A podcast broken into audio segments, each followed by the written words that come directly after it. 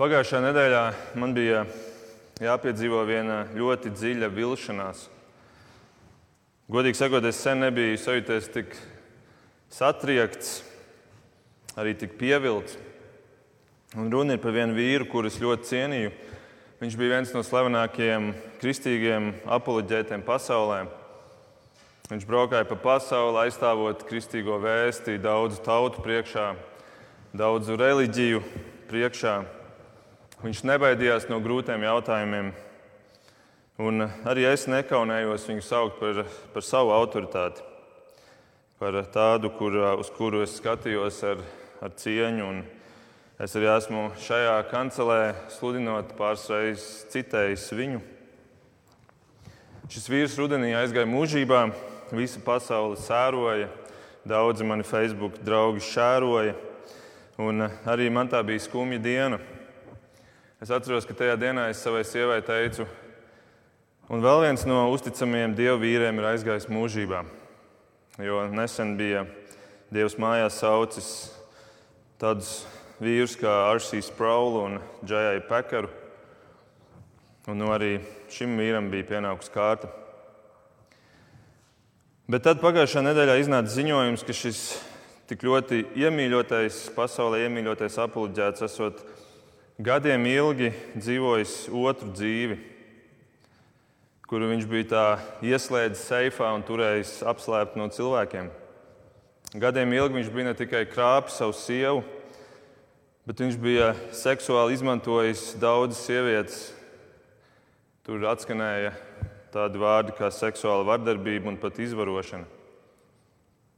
Un, kad es to lasīju, tad es biju Es biju vienkārši šokēts, vienkārši neticēju tam, ko es lasu. Un, un, kā jau jūs varbūt uh, daudzi zināt, uh, šis vīrs ir Ravijs Zakarājas. Es arī ilgi domāju, vai pieminēt šo vārdu aiz cieņas pret viņu, bet es izlēmu to darīt uh, nevis viegliprātīgi, bet tādēļ, ka pirmkārt viņš bija publiski seja kristētībai. Arī es esmu, kā jau minēju, viņu citējis šeit. Un arī tās nav vairs baumas kaut kādas, bet tas ir. Tie pārkāpumi ir ap, apstiprināti.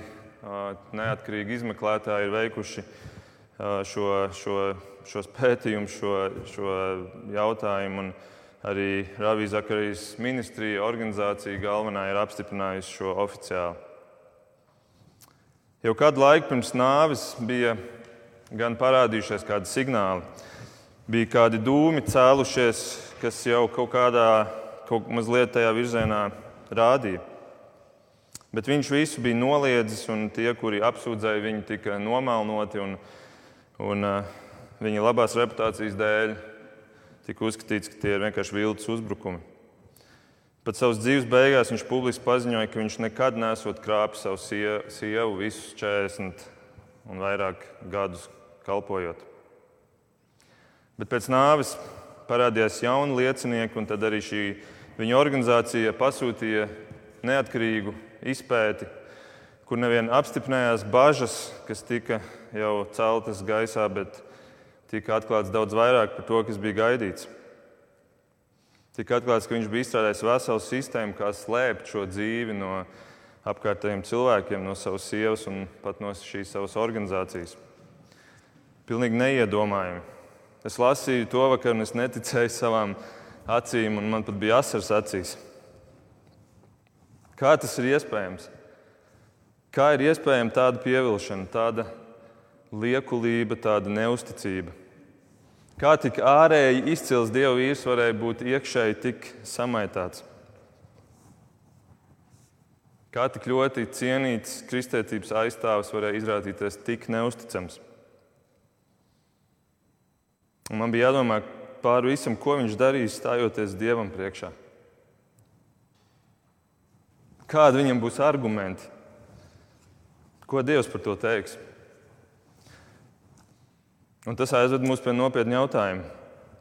Vai šāda neusticība no cilvēka puses neatcels dieva uzticību?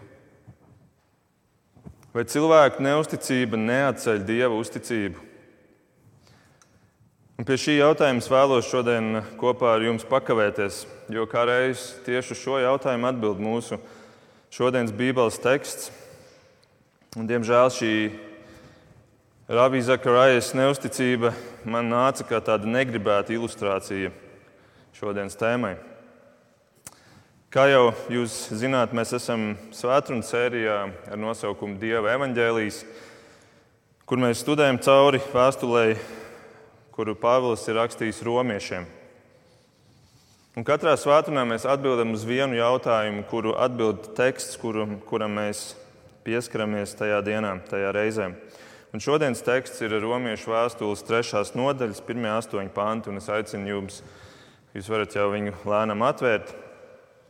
Atbildot uz šo mūsu jautājumu šodien, mēs vispirms paskatīsimies uz jūdiem, kuri tika tieši konfrontēti ar šo jautājumu par neusticību un dievu uzticību.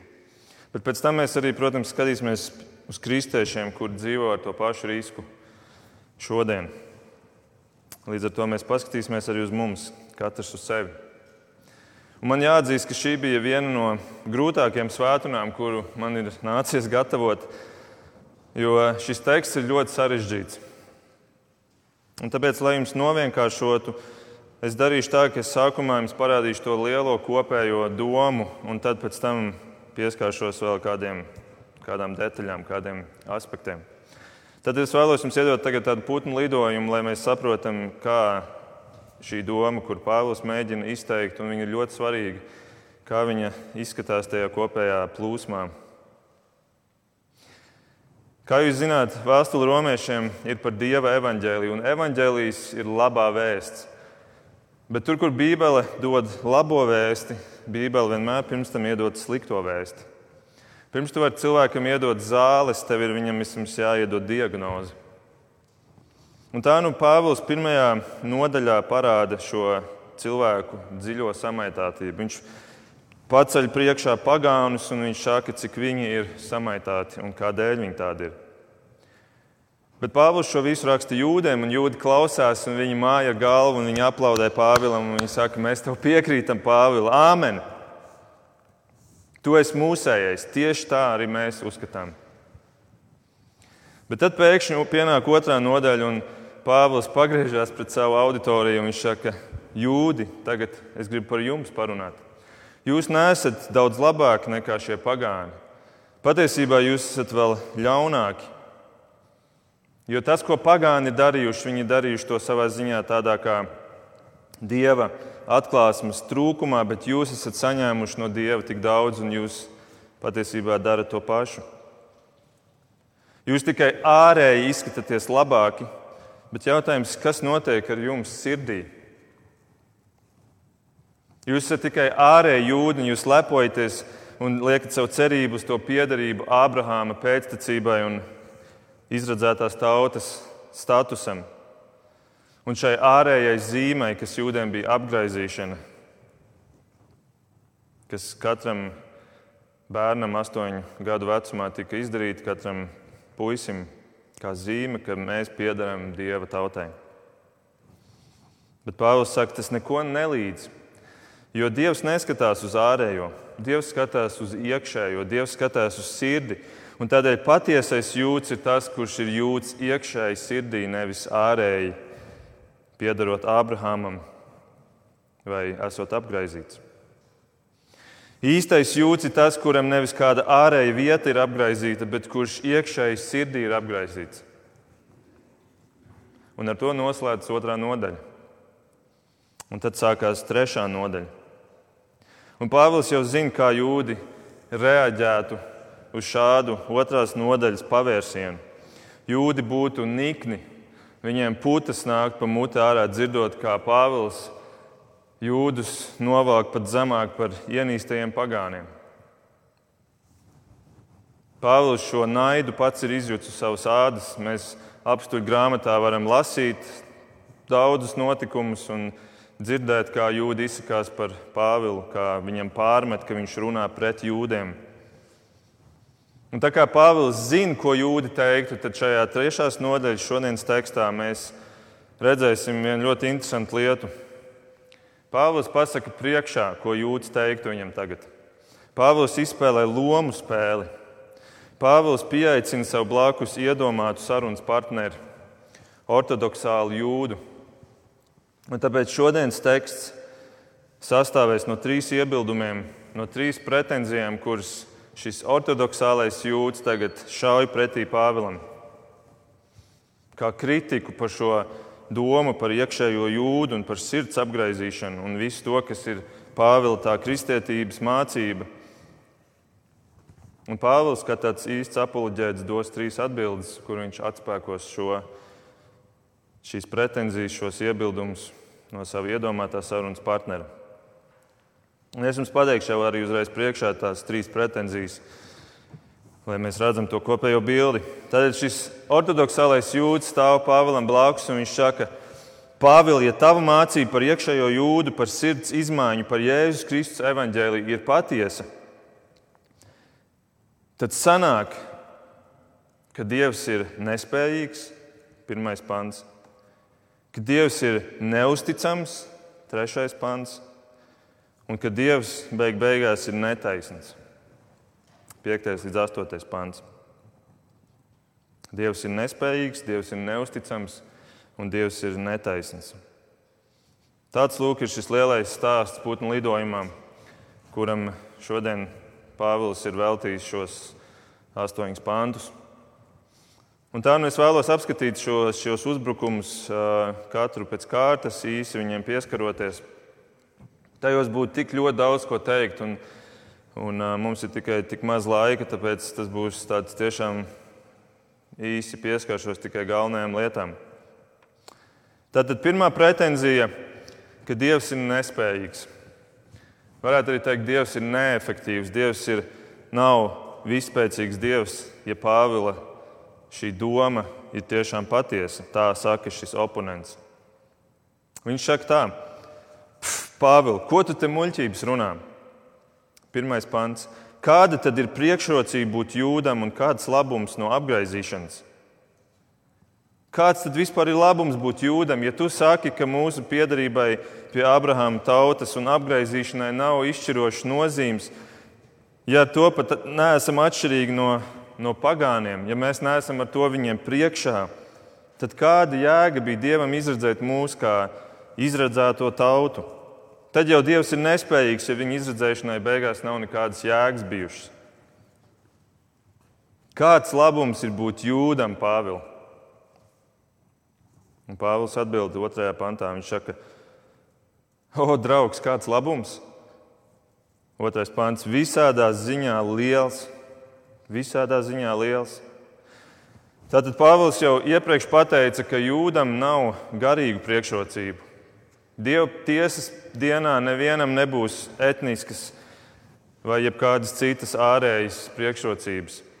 Tur jūda un pagāni būs vienādi. Tur neskatīsies Dievs uz to, vai tevī plūst jūdu asins. Tur neskatīsies, vai tu esi ārēji apgaizīts. Tātad, jā, šāds garīgs priekšrocības jūdam nav. Un vispār arī vēsturiski jūdam, būt jūdam nebija, nenozīmēja lielas priekšrocības. Ne? Mēs to apzināmies, ka mēs paskatāmies uz vēsturi. Drīzāk pretēji būt jūdam, tas bija ļoti neizdevīgi. Tas bija bieži vien bīstami dzīvībai. Jūdas, mē, jūdas mēģināja jau kopš seniem laikiem iznīcināt. Tas bija tas sātana darbs, kurš mēģināja izdzēst no kartes šo tautu. Viss sākās ar Eģipti. Faraons to mēģināja izdarīt. Pēc tam dažādi valdnieki, un tā kulminācija varbūt pēdējais lielais bija Adolfs Hitlers, kurš to ir mēģinājis darīt. Un par kuru tautu vēl eksistē tāds apzīmējums kā antisemītisms. Vesels apzīmējums, kas, kas pasaka, ka mēs esam pret šo, šo tautu. Tātad jūdam nav bijis izdevīgi arī vēsturiski. Un tā no oponenta saka, tad kāds vispār ir labums būt jūdam, ja jau viss šīs ārējās lietas neko neizšķir? Tu, Pāvils, ar to nonicini Dieva izvēli izredzēt jūdus, to ar to Dievu pasludini par nespējīgu jūdu tautas veidotāji un vadītāji. Bet Pāvila atbild ir kāds labums. tomēr visādā ziņā liels. Visādā ziņā liels Pāvils šo neattīsta domu tālāk tik dziļi šeit, bet viņš to 9. nodaļā attīstīs, un es vēlos nocitēt 9. nodaļas 4. un 5. pāntu. Paklausieties, Izraēliešiem, viņš tur raksta, Izraēliešiem, kam pieder dēla tiesības. Viņi bija tie, kur tika adoptēti dieva ģimenē, kā, kā tie, kuriem tiek dotas šīs mantojuma tiesības. Otrkārt, tur minēts godība. Izrēliešiem pieder godība. Godība nozīmēja tas, ka Dievs fiziskā veidā bija klāts šai tautai. Tad, kad viņi gāja ārā no Ēģiptes, Dievs bija klāts kā, kā mākoņu un uguns staps tuksnesī. Pēc tam viņš bija kā derības šķirstā un sajiešanas teltī klātesošs. Pēc tam viņš Jeruzalemes templī tika izveidota šī tempļa visvētākā vieta, kurā Dievs mājoja fiziskā veidā.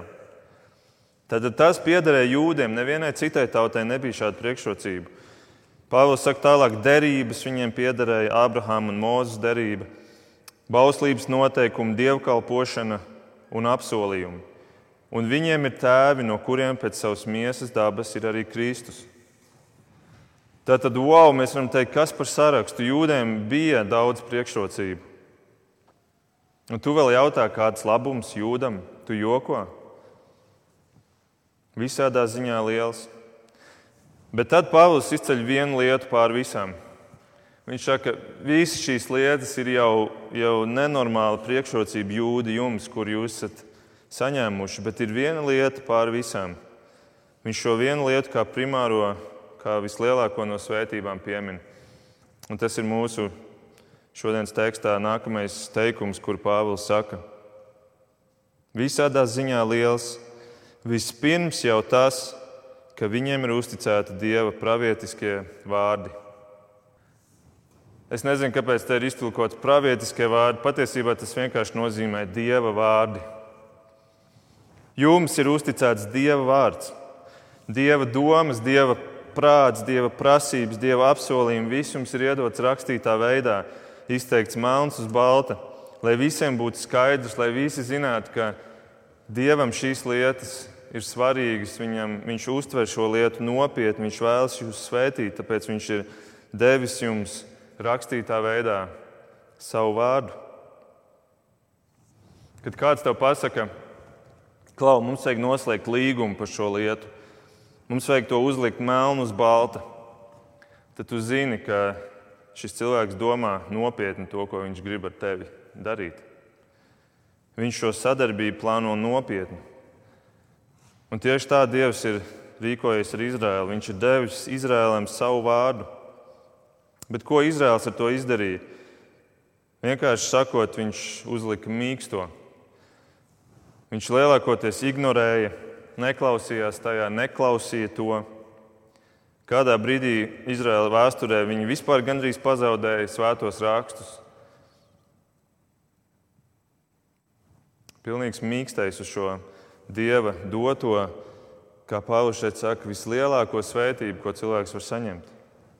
Un tad tie, kuriem tomēr interesēja Dieva vārds, kā piemēram farizēji un rakstu mācītāji, kur to studēja un mācīja citus, viņi atkal pie šī Dieva vārda gāja ar tādu sautīgu motivāciju, ar nepareizu motivāciju. Viņi gribēja atrast tajā to, ko paši meklēja, nevis atrast to, ko Dievs meklē cilvēkos. Un tādēļ viņiem nepietika šo Dievu vārdu. Tas, ko jūdi darīja, viņa izlēma pievienot šim Dieva vārdam klāt vēl visādus tekstus. Šai torai un praviešiem, kā Bībele saka, kas ir tiek saukts par to veco derību viņiem. Viņi pievienoja klāt mutvārdu likumus, saukts par mišnu. Šie mutvārdu likumi izskaidroja Dieva vārdā dotos likumus. Es lasīju kādu avotu, kur ir apkopots tāds jūdu, visa internetā apkopot visa jūdaisma literatūra. Visas šīs grāmatas tu vari atrast tur un lasīt. Un Un sadaļā, kur ir rakstīts, kāpēc viņi vispār šo visu veido, viņiem ir šāds teikums minēts. Mutvārdu tradīcijai bija vienmēr jāpavada rakstītais likums, jo Tora, jeb Dieva vārds, viena pati ir nepietiekams ceļvedis jūdu dzīvei. Nepietiekams ceļvedis. Viņi uzskatīja, ka ar to nepietiek. Un tad viņš šiem mutvārdu likumiem, šai mišnai, pievienoja skaidrojumus, kurus viņi nosauca par Talmudu. Un tad vēl viņi radīja midrašu, kas ir rakstītā dieva vārda skaidrojums. Un, un tad viņi beigās šo visu kopā, šo dieva vārdu, midrašu, mīšanu, talmudu, tas viss viņiem kļuva par to autoritāti, uz kā viņi būvēja savu ticību. Viņiem nepietika ar Dievu vārdu, viņiem nepietika ar to, ko Dievs viņiem dod. Viņiem vajadzēja cilvēku interpretācijas pievienot. Un tā nu sanāk tāds Dieva vārds atšķaidītā formā, atšķaidīts cilvēku interpretācijās. Un mēs tā runājam par tiem jūdiem, un mums liekas, nu jā, jā nu tas viss jau ir uh, galīgi garām, šāda pieeja. Bet, ja mēs tagad pagriežamies pret kristiešiem, jautājums, kāda mums ir attieksme pret šo Dievu vārdu? Kāda ir mūsu attieksme? Vai mums nepastāv tāds pats risks, ka mēs atšķaidām šo Dievu vārdu ar visādām cilvēku gudrībām? Cilvēku gudrībās ieklausīties var un vajag, bet, ja tā sāk ieņemt Dievu vārdu vietu, ja caur tām mēs sākam vērtēt Dievu vārdu, ja mēs caur cilvēku pieredzi un caur cilvēku gudrībām un caur mūsdienīgām gudrām tēmām, kuras mēs, caur kurām mēs mēģinām Dievu vārdu pagriezt uz vienu vai uz otru pusi. Ja mēs to darām, tad tas, ko mēs patiesībā izdarām, mēs apklusinām Dievu savā dzīvē. Un tas ir ļaunākais, ko cilvēks sev var izdarīt, jo Pāvils šeit saka, ka Dieva vārds ir tā lielākā svētība, kuru cilvēks var saņemt šajā dzīvē. Šī Dieva vārda došana ir daudz vērtīgāka nekā piederēt izradzētai tautai, vai būt apgaizītam, vai redzēt gaismas vai mākoņu stābu sev priekšā. Tas, ka mums ir dots Dieva vārds, tā ir vislielākā svētība, ko mēs kā kristieši un mēs kā cilvēki šajā dzīvē varam saņemt. Man spilgti atmiņā ir pieredze, kur es šo arī problēmu kristietībā esmu uz savas ādas izjūtis, un es par šo pieredzi esmu jums jau arī kādreiz minējis. Ir, tad, kad es mācījos vidusskolā, man viens klases biedrs bija katoļu ticīgais, un mēs bieži diskutējām par katolicismu. Un es tādā savā, varbūt savā tādā arī pārliecības karstumā viņam mēģinājām uzrādīt pretrunas no Bībeles, kas ir katolicismā. Un, un tā mēs tur diskutējām līdz brīdim, kad viņš teica, ka viņam, viņš gribētu, lai mēs satiekamies ar viņu priesteri. Un tā nu mēs trijotā satikāmies priesteri.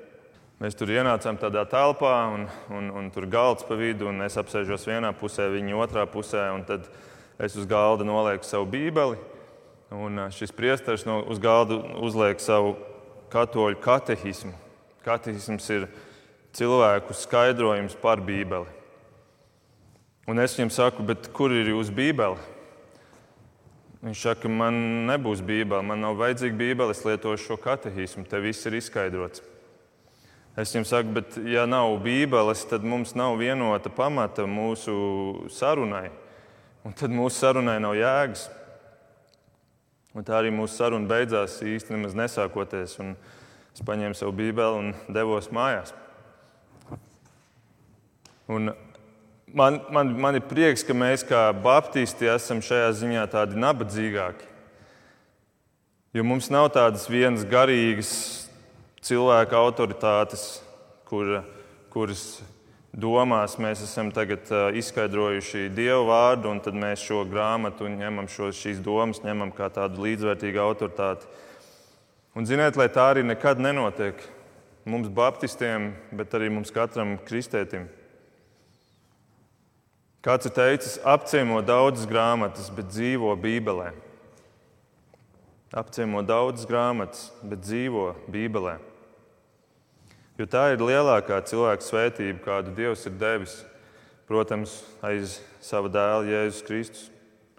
Un šī Dieva vārda dāvana ir dota jūdam, tāpat kā pagānam mums.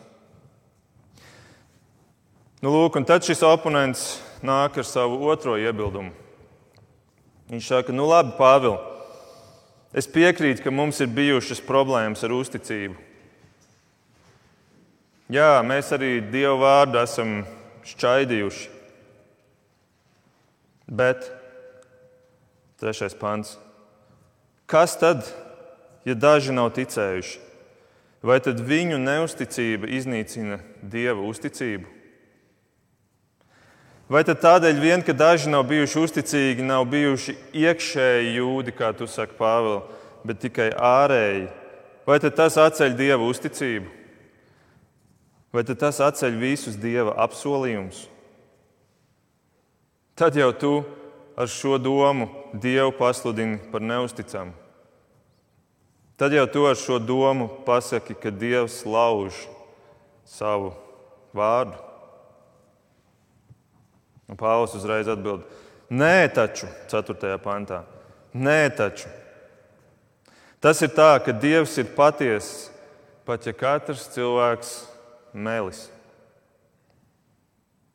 Citiem vārdiem sakot, Pat ja visi cilvēki, nevis tikai daži, kā šeit šis oponents mēģina izgaismot skaistākā gaismā šo domu, šo Izraēlu tautu, bet Pāvils saka, pat ja visi cilvēki, pat ja visi jūdi un visi cilvēki pasaulē izrādītos meļi, Dievs joprojām paliek uzticams. Pat ja visi jūdi izrādītos neusticami, Dievs nekad nekļūs neusticams. Viņš piepildīs visu, ko ir apsolījis. Viņš jūdiem dos to, ko viņš ir solījis jūdiem. Bet ne tādā formā, kā jūds to gaidīja tajā laikā. Daudzi saka, Dievs ir pagriezis muguru Izrēlam un pagriezies pret pagāniem, un mēs, draugi, šodien esam jaunais Izraels. Tāpēc Dievs mums dod visas tās svētības, kuras viņš ir apsolījis Izrēlam. Bet es domāju, ka, ja tā tiešām būtu, tad Dievs izrādītos neusticams. Tad oponentam būtu taisnība šeit. Un tieši tādēļ Dievs ir pataupījis to, ko Viņš ir solījis Izrēlam, un tas tiks piepildīts tādā formā, kā Dievs to ir solījis. Tas notiks tūkstošu gadu miervalstībā, tad, kad Kristus atgriezīsies šeit uz zemes. Dievs paliks uzticams. Dievs paliks uzticams sev. Viņš dos jūdiem to, ko viņš ir solījis, tāpat viņš dos kristiešiem to, ko viņš ir solījis kristiešiem. Viņš dos mūžīgo dzīvību sava dēla, dēla Jēzus upuru un darba dēļ. Un viņš neticīgajiem arī būs uzticams. Un viņiem, gan neticīgajiem, gan viltus ticīgajiem, Viņš dos taisnu tiesu, un viņš paliks uzticams. Un tā kā jūdam šo visu dzirdēt, ir, ir grūti, viņam liekas, ka tas neiet kopā ar to viņu izpratni par to, kā dievam vajadzētu darboties, tad Pāvils izvelk no kabatas slepenu ieroci vārdā Dāvids. Viņš izvelk Dāvidu, citē Dāvidu jo Dāvids ir jūdiem numur viens autoritāte. Mūzus ir labs, Dāvids ir vislabākais. Un Pāvils citē Dāvidu, kur jau Arvis ievadā lasīja 51. psalmu, kur ir teikts tā. Viņš saka, Pāvils saka, kā ir rakstīts, un te viņš citē Dāvidu. Lai tu, Dievs, topi attaisnot savos vārdos un uzvari, ka tu tiec tiesāts. Tad viņš ar to pasaka, skaties, jūdi, pat Dāvids ticēja, ka Dievs tiesās visus taisni. Viņš būs uzticams. Viņam izrādīsies beigās vienmēr taisnība. Un, lai mazliet labāk saprastu šo domu, tas, ko, tas, ko Dāvids šeit Dievam saka, kā jau mēs arī lasījām pašā ievadā, bija brīdis, kad, kad um, Dāvids atskatās uz savu grēku ar Batšebu. Dāvids bija ķēniņš, un viņš vienā dienā redzēja pa logu ārā kaimiņieni Batšebu, kā viņa tur mazgājās, un, un viņš iekāroja viņu. Un rezultātā viņš pārkāpa laulību ar viņu, viņš ne tikai pārkāpa laulību, bet arī izraisīja grūtniecību. Un tāpēc, ka nu bija skaidrs, ka tūlīt visiem cilvēkiem kļūs redzams, kas tur noticis, ir, tad viņš saprata, lai viņš varētu, viņam ir jāņem Bačeva par sievu, bet, lai viņš to varētu izdarīt, viņam ir jānogalina, jānovāc Bačevas vīrs Urija. Viņš to norganizē. Viņš izsūta Uriju, kurš bija uh, kara vadonis. Viņš izsūta pirmajā frontes līnijā apzināti, lai viņš tiktu nogalināts. Un tā nu Dāvids paņem šo Bačevu par savu sievu. Un beigās Dāvids izrādās laulības pārkāpējs un pat slepkava. Un tad Dievs sūta pravieti Nātānu pie Dāvida. Un tas bija arī minēts šajā 51. Ne, psalma ievadā. Un jūs varat izlasīt šo stāstu 2. mūzes 12. nodaļā mājās, pierakstiet, izlasiet ļoti interesanti, ja jūs to neesat sen darījuši. Tad atnāk šis Nātāns pie Dāvida Un viņš viņam izstāsta stāstu par bagātu vīru un ļoti nabadzīgu vīru. Tam bagātajam vīram pieder ļoti daudz aviju un vēršu, bez skaita tur ir rakstīts. Nabagajam pieder viena maza aitiņa. Viena maza aitiņa. Un tad pie šī bagātā vīra atnāk ciemiņš, kuram ir nu, jāceļ galdā mīlestības. Bet šis bagātais viņam ir tik ļoti žēl savu aitu, viņš ir tik skops, ka viņš izlēma atņemt tam nabagam to vienu mīļo mazo aitiņu, kura bija, tur aprakstīts, kura bija jau kļuvusi par gandrīz kā par meitu šim nabagam, tik mīļa.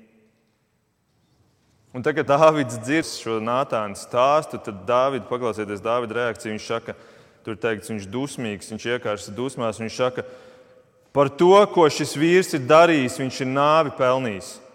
Par to aitiņu viņš atlīdzinās četrkārt. Par to, ka tā darīja, ka tā darīja un neiežēlojās. Un tad Nātāns pagriezās pret Dāvidu un saka: Tu esi tas vīrs. Tu esi tas vīrs, Dāvid. Un Dāvids sabruka un viņš atzina savu vainu. Viņš to ļoti nožēloja un Dievs viņam piedeva, bet, bet Dievs paliek sev uzticīgs. Un par grēku tiek prasīta samaksa.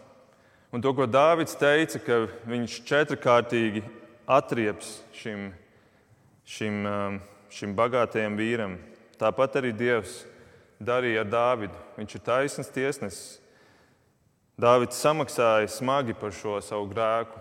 Dievs viņam piedeva, bet sekas Dāvidam palika. Viņam, viņš pazaudēja šo ieņemto bērnu, arī citi bērni viņa ģimenē nomira.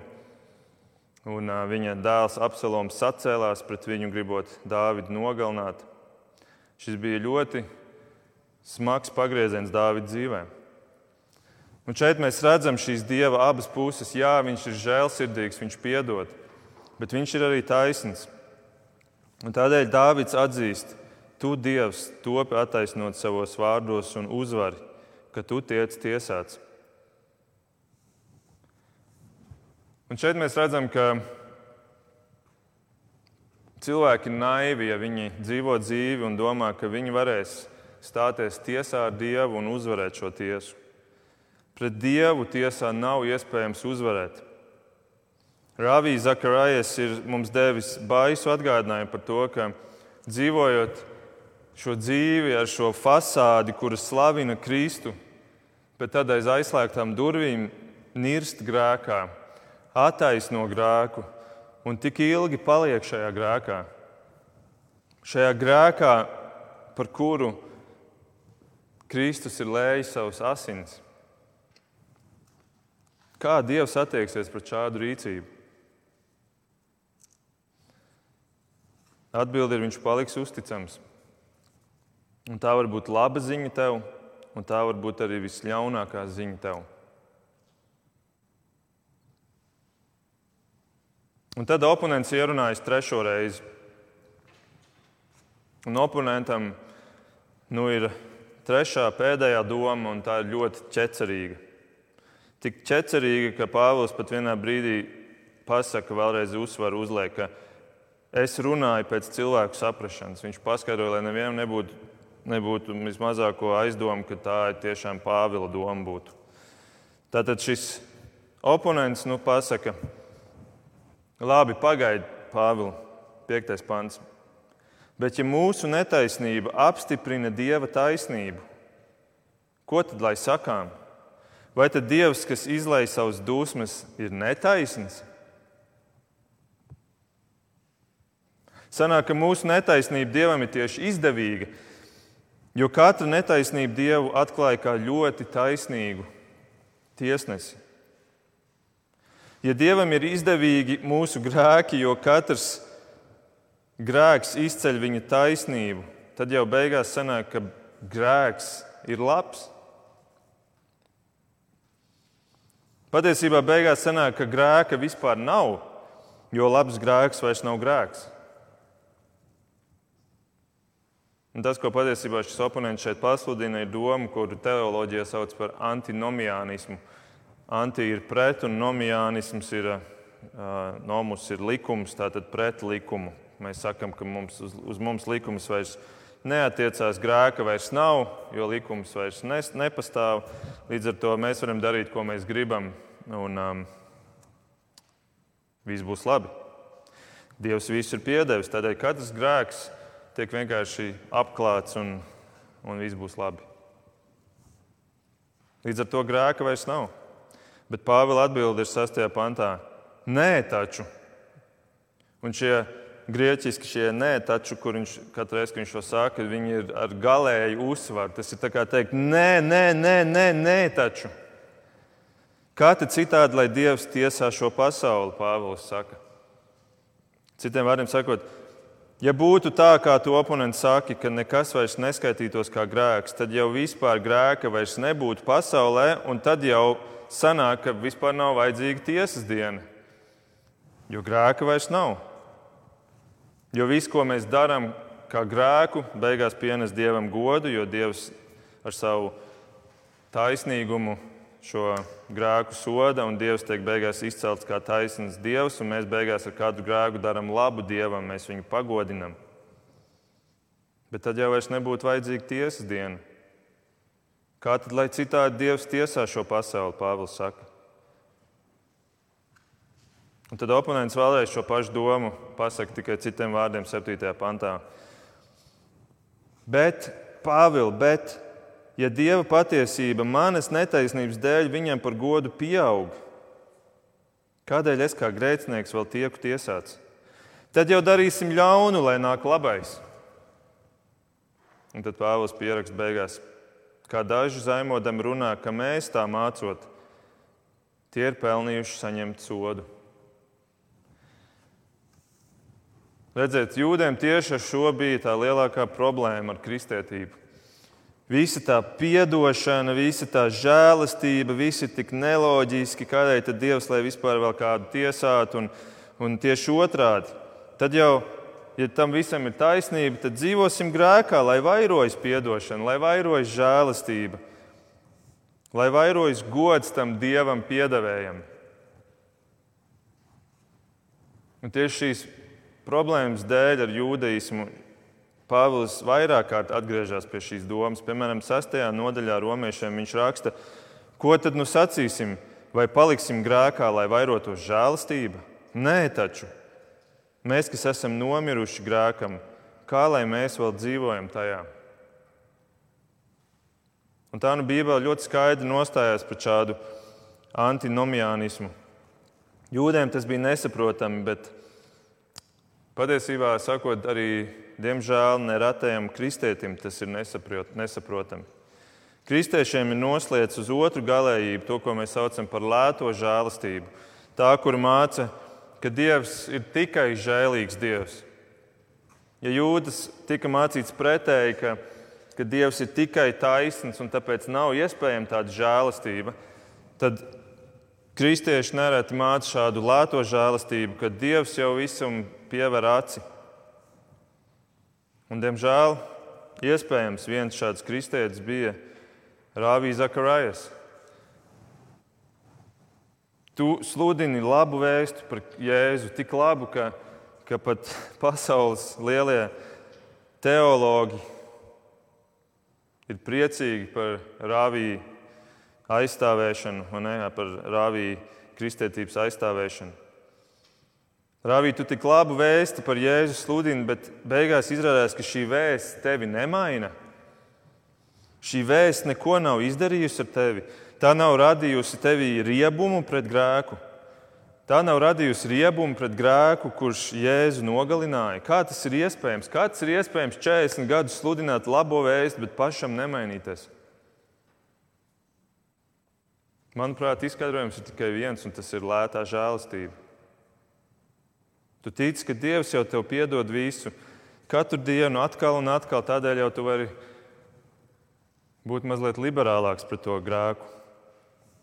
Ka Dievs jau pievērsīs, pievērs aci, un, un tāpat jau viņš beigās piedos. Un, un es jau, ja galvenais, lai citi cilvēki to neredz, ka es to daru, un, un, un lai nav neslava kristietībai, bet, bet Dievs jau pievērsās. Viņš ir žēlīgs Dievs, tikai žēlīgs. Un varbūt kristieši, arī mēs, kas klausāmies, varbūt mēs teiktu, nē, nē, nē, mēs kategoriski noraidām šādu, šādu mācību. Un tomēr kaut kur dziļi sirdī tieši šī doma ir tā, kura ļauj man samierināties ar grēku manā dzīvē. Būs jau labi. Septītā reize jau šomēnes. Nekas, Dievs jau teica, 7 reizes 70. Ja jau viņš to citiem mācīja, viņš būs pats vēl žēlīgāks. Tāpēc es varu mierīgi to klusībā turpināt. Tas ir nopietns atgādinājums mums katram. Redziet, tā nu Pāvils ir atspēkojis visus šos oponentu iebildumus. Oponents teica, Dievs ir nespējīgs tavā mācībā. Pāvils saka, nē, Dievs ir spējīgs.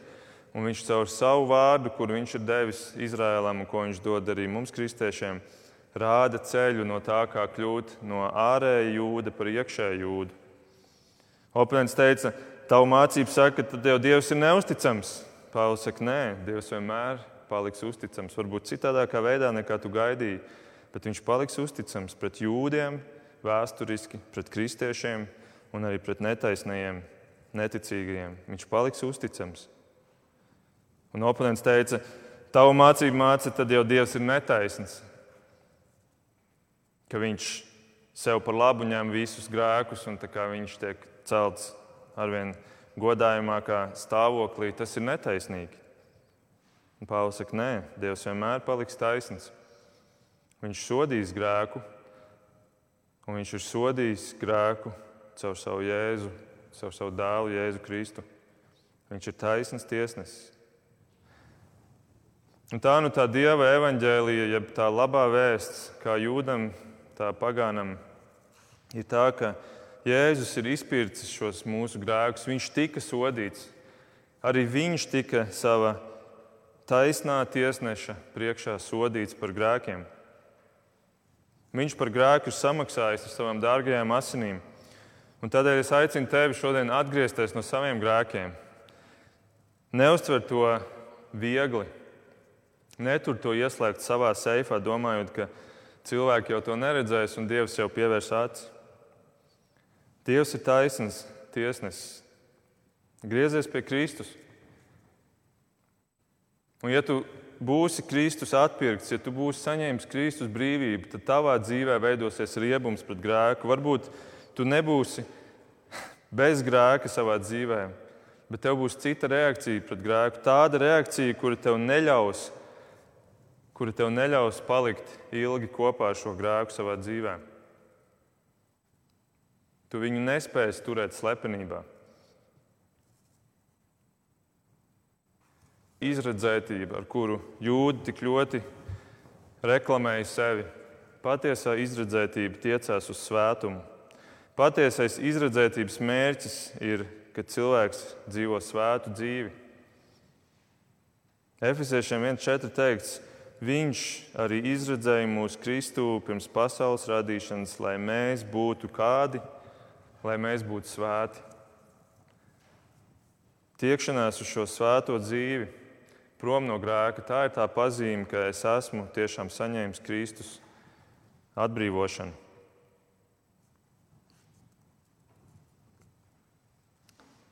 Un es tev aicinu, ka tu caur Dieva vārdu meklē šo ceļu pie, pie šī Kristus. Dieva vārds ir tā gaisma, kas tev rādīs ceļu, kā pa īstam viņu iepazīt.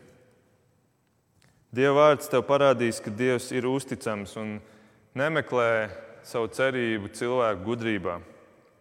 Cilvēki runā to, ko viņi paši grib dzirdēt, bet bet meklē to, ko Dievs saka. Tur ir atrodama tā īstā, patiesā brīvība. Dievs ir uzticams, Kristus paliks vienmēr uzticams.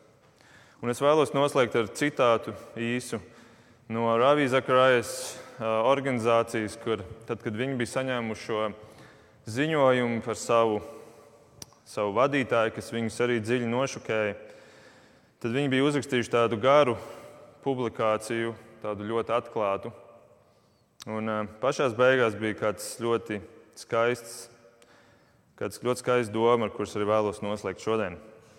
Viņi raksta, šīs izmeklēšanas atklājumi ir mūs pārliecinājuši vairāk nekā jebkad iepriekš par evaņģēlīja vajadzību un pietiekamību. Nav neviena, arī Rāvija Zakarājas, arī tu un arī es Nav neviena, kuram nebūtu vajadzīgs glābējs. Grēks mājo katra cilvēka sirdī. Jēzus ir vienīgā persona, kura ir tieši tāda, kādu viņš sevi pasniedz. Un vienīgais glābējs, kurš ir pelnījis saņemt mūsu pilnīgo uzticēšanos un slavu. Jēzus ir pilnībā nodevies patiesībai un taisnīgumam un viņš bez ierunām stāv kopā ar upuriem. Debes Tēvs, paldies par Tavu vārdu. Paldies, Kungs, ka Tu mūs tik ļoti svētīji ar to, ka mēs drīkstam lasīt to, ka mēs drīkstam saņemt Tavas domas, Tavu gribu, tavu, Tavus apsolījumus, ka mēs drīkstam redzēt to gaismu, kura mums rāda ceļu pie tevis.